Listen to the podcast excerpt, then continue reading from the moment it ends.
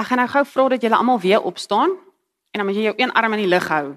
So as jy 'n slegte skouer het, verkieslik dan nou die ander arm. So staan op en maak of jy iets vashou. Staan so. Hou vas so. Jy mag jou arm laat sakkie. OK? So hou hom net daar. Jy hou iets vas, né? Nee? OK. Ons is besig met 'n reeks. Hou dit daar. Moenie hom laat sakkie. Ons is besig met 'n reeks. Jy moet lekker styf styf is face. Jy's besig om iets vas te hou. Oor die koninkryk van God. En ons het ek het my swak skouer gevat. OK. Maar sê dit. Ons het gepraat die eerste week het ons gesê oor gebed. Maar ons het eers vir mekaar oor die koninkryk gesê van God. Ons het gesê die koninkryk van God lyk anders as die wêreldse koninkryke. Dis iets heeltemal anders. Ons het begin met gebed. Ons het gesê gebed in die koninkryk is nie net 'n ek of my gebed nie. Dis 'n ons gebed. Dis ons, ons praat. Ons het ook gesê gebed is nie altyd genoeg nie, maar dit is waar ons moet begin. Ons moet altyd begin om eers met God te praat. Hoe voel julle arms? Is julle okay?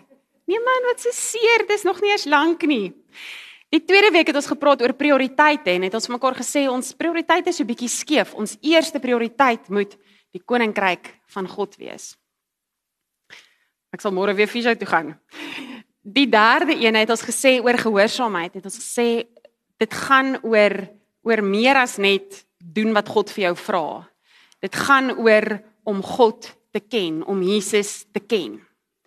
Laasweek het ons gepraat oor kind wees en ons het gesê in die koninkryk van God moet ons vreugde ervaar, moet ons kind wees, ons moet weer opgewonde wees oor ons God.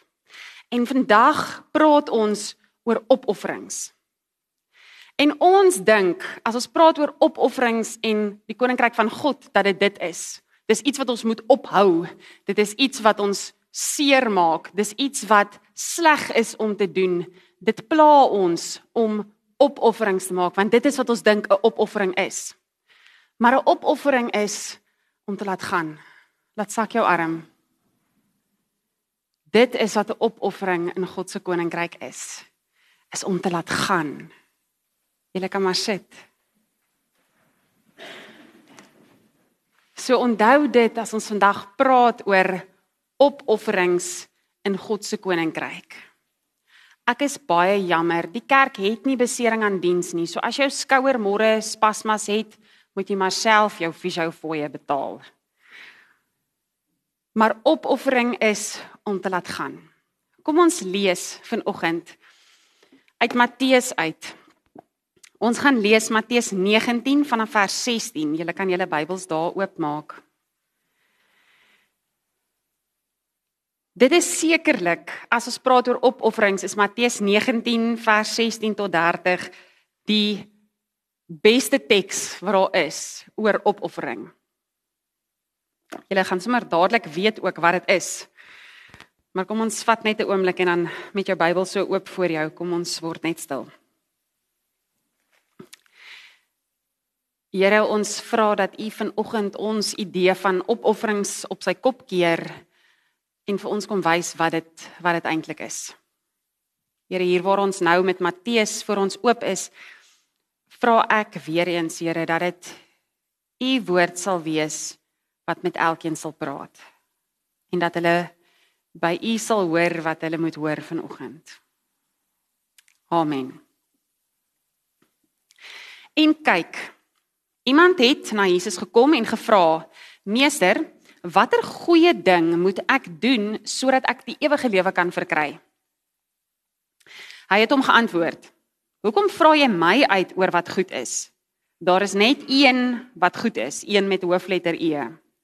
As jy die wil, as jy die lewe wil binnegaan, moet jy die gebooie nakom. Die man vra toe weer vir Jesus: Watter Watter gebooie? En Jesus antwoord hom: Jy mag nie moord pleeg nie, jy mag nie egbreek pleeg nie, jy mag nie steel nie, jy mag nie vals getuienis gee nie.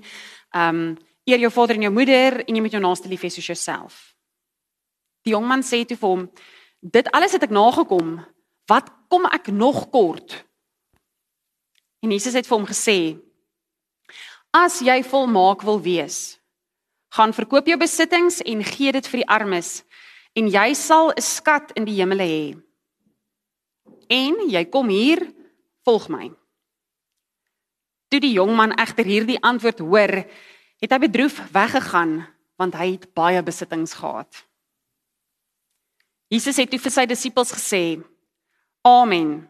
Ek sê vir julle, 'n ryke sal moeilik in die koninkryk van die hemele ingaan. Ek sê weer, vir julle, dit is makliker vir 'n kameel om deur die oog van 'n naald te gaan as vir 'n ryk mens om in die koninkryk van God in te gaan."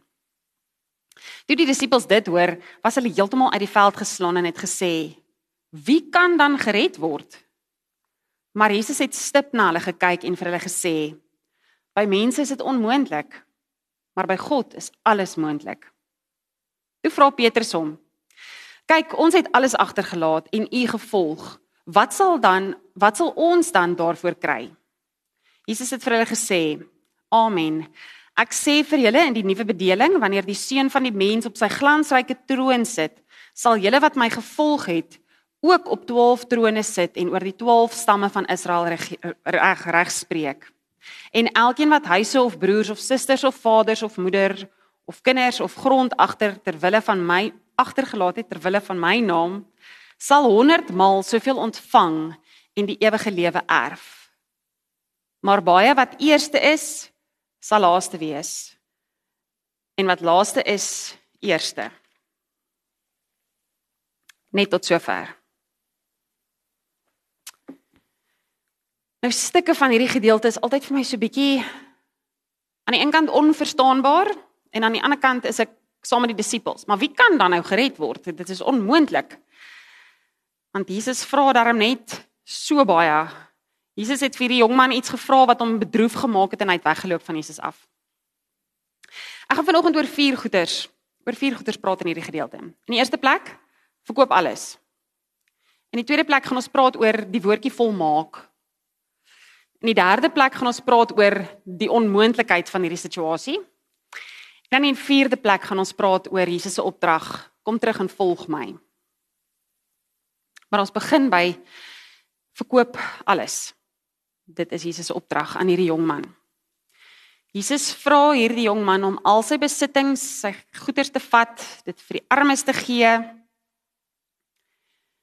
en dan terug te kom Wat ons dan dikwels doen as ons hierdie gedeelte lees, is ons vat dit en ons maak dit net so op toepassing van ons eie lewens en dan dink ons maar Jesus vra vir ons ook, gaan verkoop al jou goed, verarm jouself, gee jou goed vir die armes en kom terug en volg my. Maar ons kan nie dit so doen nie want Jesus is nie fisies hier nie. Ons kan hom nie fisies volg nie. So hierdie gedeelte is bietjie iets anders en dan in dieselfde asem dan dink ek aan daai kinderliedjie wat sê Salomo was koning van sy koninkryk. Die Here het hom geseën en hy was baie ryk. En dan die koningin van Skeba kan nie verder net na hom gegaan en ek kan nie nee nee nee en dan alla alla wêreld, maar jy is ryk. Alla alla wêreld wat 'n koninkryk en dan sê ek soos, maar hoe verstaan ons dan nou vir Salomo wat deur God geseën is en hy is baie ryk? En aan hierdie kant het ons hierdie ryk jong man wat ook al hierdie seëninge van God gekry het en Jesus sê verkoop alles. So wat is dit nou Jesus? Moet ons so Salomo ryk wees of moet ons alles verkoop? Kom ons kom terug by die ryk jong man. Ons los nou vir Salomo. Hy's in die Ou Testament, ons los hom nou net daar. Hierdie is 'n ryk jong man. Nou, as jy enigstens die kultuur van daai tyd verstaan het, as jy 'n man was in die Bybelse tyd, was jy al klaar bietjie beter as vrouens en kinders. As jy nou nog jonk en sterk en gesond was, het jy ook baie gehad wat om wat vir jou getel het. En as jy nou nog geld ook gehad het, was jy soos the cream of the crop, verstaan jy? Was soos die top top top van die samelewing. Jy was 'n gesiene man, verseker. Verseker het mense geweet wie hierdie ouetjie is. Hy was nie sommer net 'n jong mannetjie nie. Hy was 'n ryk jong man. Hy het status gehad. En dan was hy nou nog 'n goeie mens ook, want Jesus sê vir hom jy moet al hierdie goeders doen, jy moet jou naaste lief hê, jy moet nie moord pleeg nie, al hierdie goeders en hy sê maar ek het dit alles gedoen. So hy was 'n goeie mens ook. Hy het 'n goeie hart ook gehad. En dan sê hy maar Here, wat kom ek nog kort? Wat moet ek nog doen? Nou Jesus, ons weet was baie slim. Jesus het dieper gekyk, anders gekyk, meer gesien as wat die mense gesien het. Want Jesus het hierdie jong man so gekyk en hy het sy hart gesien. Jesus het geweet wat is daai een ding wat verhoed dat hierdie jong man ten volle sy lewe vir God gee. En in hierdie jong man se geval was dit sy geld. Hy het al die wette onderhou, hy het al hierdie goederes gehad, maar sy geld was vir hom baie belangrik en Jesus het dit besef. Jesus het besef dat vir hierdie jong man is geld die ding wat tussen hom en 'n verhouding met God staan. En dis nie vir almal die geval nie. Geld is nie vir almal die probleem nie. So die vraag as ons hier kom by verkoop alles en gee vir die armes, moet ek en jy nie vir mekaar vra maar hoe, hoeveel moet ek, hoeveel van my geld moet ek gee en hoeveel van jou geld moet jy gee nie. Dis nie die vraag wat eintlik hier aan die orde is nie. Die vraag wat hier gevra moet word is wat is die ding wat tussen jou en 'n totale oorgawe aan God staan? Wat is die goed in jou lewe wat keer dat jy in 'n verhouding met die Here is waarin jy alles vir hom gee. Wat is daar wat belangriker is as jou verhouding met God? So as ons spesifiek praat oor fisiese opofferings, fisiese goed wat ons moet gee vir God. Dan kan ons praat oor geld. Ons kan praat oor om te vas of om verskillende goed op te offer. En dit is goed om soos ek self lief vir die gewoonte van vas om iewers in 'n jaar iets te vas, iets op te offer of dit nou kos is en of dit jou koffie is as waaraan jy verslaaf is en of dit wat ook al is, maar daai fisiese iets opoffer herinner jou so bietjie aan jou verhouding met die Here. So as ek byvoorbeeld in die gewoonlik is dit aan die begin van die jaar die Daniel vas doen in Januarie is dit so 3 weke wat ek dit doen. Is dit nie net om gewig te verloor of gesond te raak of enigiets so ietsie? Die fokus van daai 3 weke aan die begin van die jaar is om dit wat ek nou nie gaan eet nie en hoe moeilik dit is en hoe sleg dit is, moet gevul word met God se teenwoordigheid. So jy moet iets fisies opoffer ja, maar dit moenie net iets is wat jy wegvat uit jou lewe uit nie. Jy moet sê ek vat iets weg omdat ek meer van God in my lewe wil hê. Omdat ek meer van myself vir God wil gee. Maar oké, okay, dit is nou fisiese opoffering. In hierdie geval moes die man geld, sy besittings opoffer. En jy is die enigste een wat self kan antwoord, wat is daai ding wat tussen jou en God staan? Wat is die goed wat vir jou belangriker is as 'n verhouding met die Here? Dan kom ons by daai woordjie volmaak. En sommer Jesus se antwoord op die jong man, as jy daai woordjie raak lees, dan sê ek net soos Regtig Jesus, as jy volmaak wil wees, moet jy alles gaan verkoop. En ek dink sommer daai jong man moes ook soos toe hy daai woord hoor, moes hy sommer al gedraai en laat hol het. Maar ek het nou nogals dink as ek myself nou in hierdie jong man se skoene sit en ek dink nou aan ek is ryk, ek is 'n man, ek is jonk, ek het alles wat vir my gaan, ek doen al hierdie goeders, ek pleeg nie moord nie, ek het respek vir my ouers, ek het my naaste lief, ek onderhou die wette, dan kan ek dink ek is volmaak. Ek ek het dit. Ek het dit. En dan kom Jesus dan sê maar as jy volmaak wil wees, Want hierdie jong man het gevra wat kort ek nog? So die jong man het gevoel daar's nog iets wat hy moet doen. Daar's nog hy is nog nie heeltemal so volmaak nie. En dan sê Jesus vir hom as jy volmaak wil wees, gaan verkoop jou goed. En dan besef die jong man nee, dis oukei. Okay. Dan wil ek nie volmaak wees nie. En hy het weggeloop van Jesus af. Ons gaan nou by die onmoontlike kom. Want as ek dit lees dan besef 'n mens dis onmoontlik. Ons kan nie volmaak wees nie. Maar dan moet ons net gou 'n trappie terug gee en vir mekaar sê maar wat is volmaak? Is volmaak vir ons wat hierdie jong man volmaak was? Geld, status, gesondheid miskien, 'n goeie werk, goeie vriende. Wat wat is vir jou die prentjie van volmaak? En dan moet ons sê dat hierdie prentjie wat ons in ons kop het van as ek dit alles het, as ek dit kan alles doen, sal ek volmaak wees, is iets heeltemal anderster as wat God as volmaak beskou.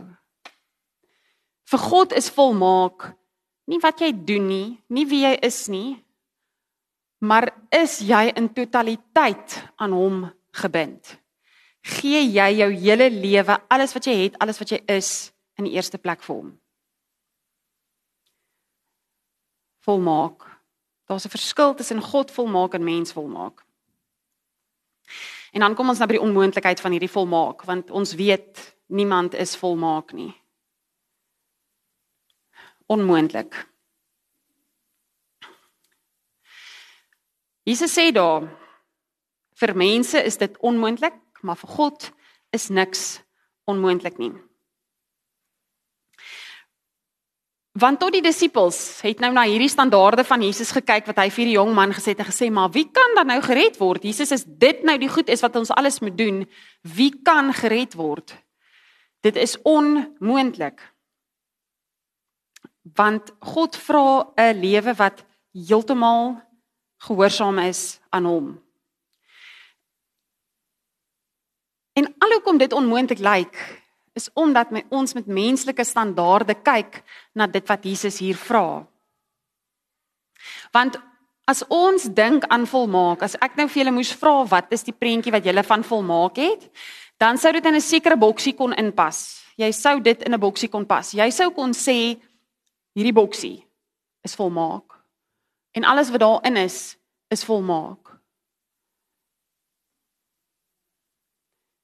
Maar as ons kom by God se volmaak en hoe onmoontlik dit vir ons is as mense om in God se oë volmaak te wees, dan moet ons vir onsself sê dat God se volmaaktheid lê nie in wie ek en jy is nie. As Jesus vir ons vra wees volmaak, is dit nie omdat ek so mooi lyk like, of omdat my hare so mooi gedoen is vanoggend of omdat ek baie geld het of omdat ek goeie goed doen, ek is after all 'n dominee. Verstaan? So ek moet daarom amper in die volmaak boksie kan pas. Nee. Die onmoontlike van God se volmaak lê in sy genade. Om volmaak te wees het niks met my en jou te doen nie. Om volmaak te wees het met God te doen. Want hy is die enigste een wat goed is, het Jesus daar vir die ryk jong man gesê. So wat ek probeer sê is om in God se koninkryk te dink aan opofferings en wat ons moet opoffer, wat ons moet gee, wat ons moet doen om in te pas in die koninkryk, om volmaak te wees en te mag in God se koninkryk in te kom. Want dit is die vraag wat jy gevra het. Hoe kan ek die ewige lewe kry? Hoe kan ek in die koninkryk van God tuis wees? Dan sê Jesus jy moet volmaak wees. Ek kan nie volmaak wees nie. Ek's uit. Maar dit gaan nie oor wat ek en jy kan doen om volmaak te wees om in te pas in God se koninkryk nie.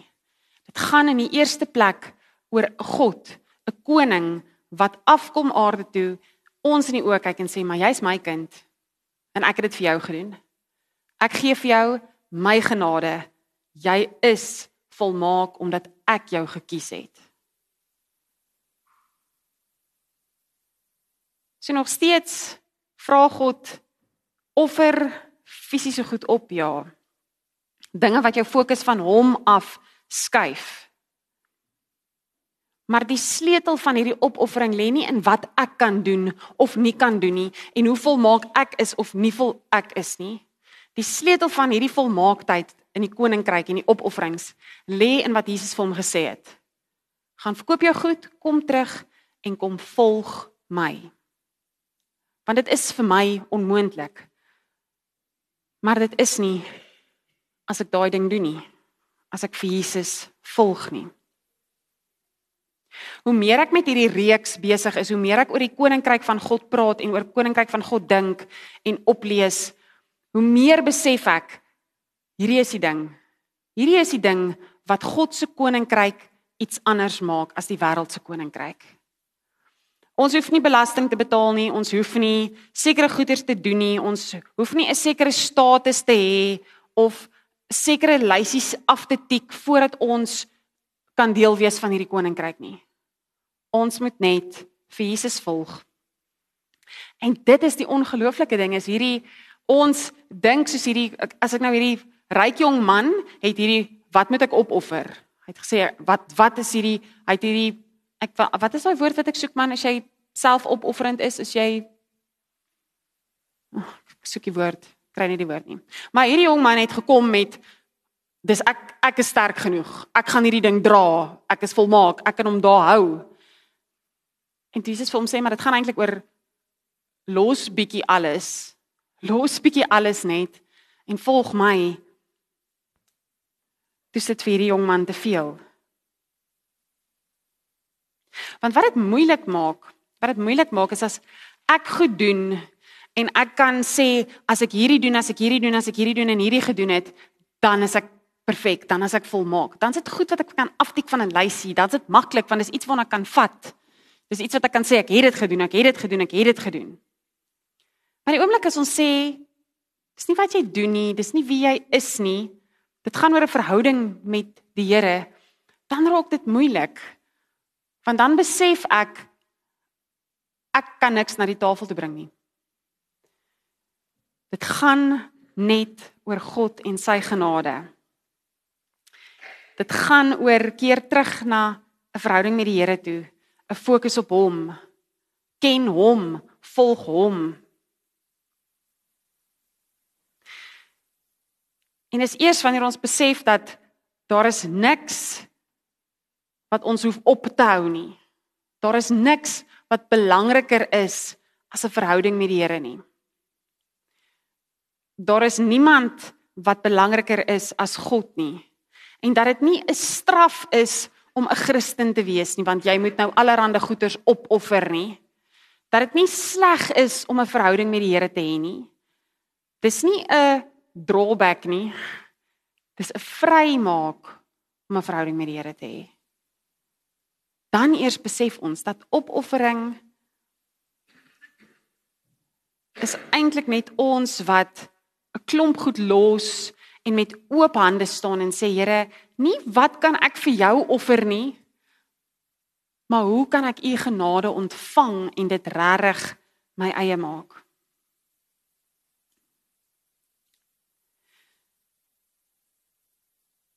Die ding hiervan is ook dat wanneer ons dan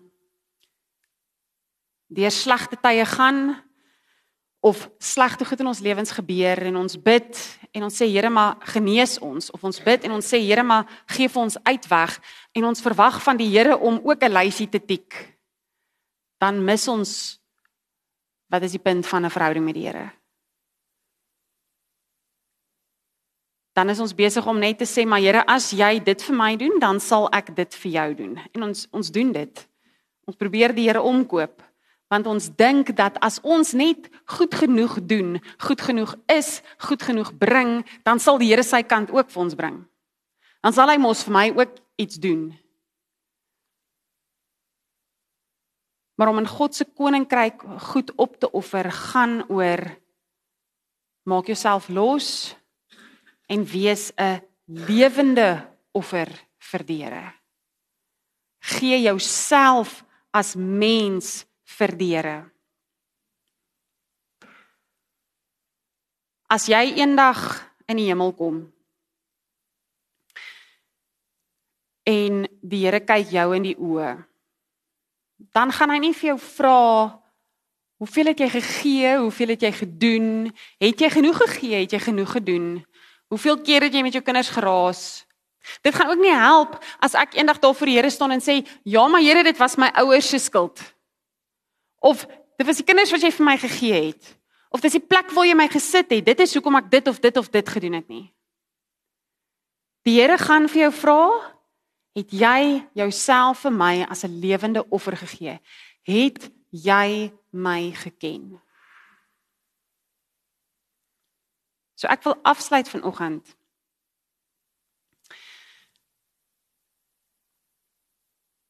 Ons leef nou in die koninkryk van God? Leef jy met 'n onverdeelde hart?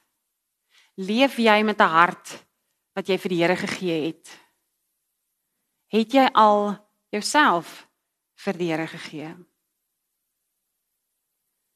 Amen.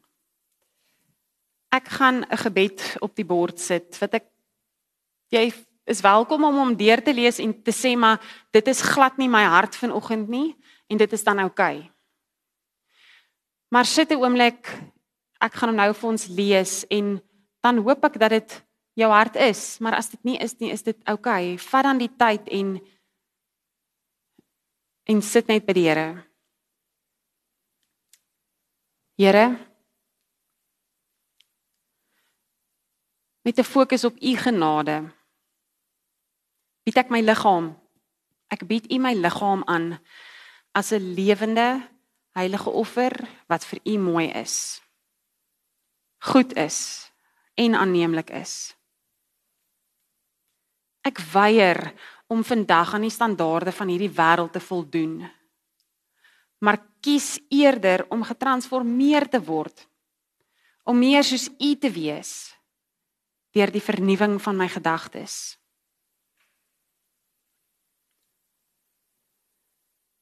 Here vul my. Here verander my. Here gebruik my. Here lei my. Here beheer my. Ek is joune. Amen.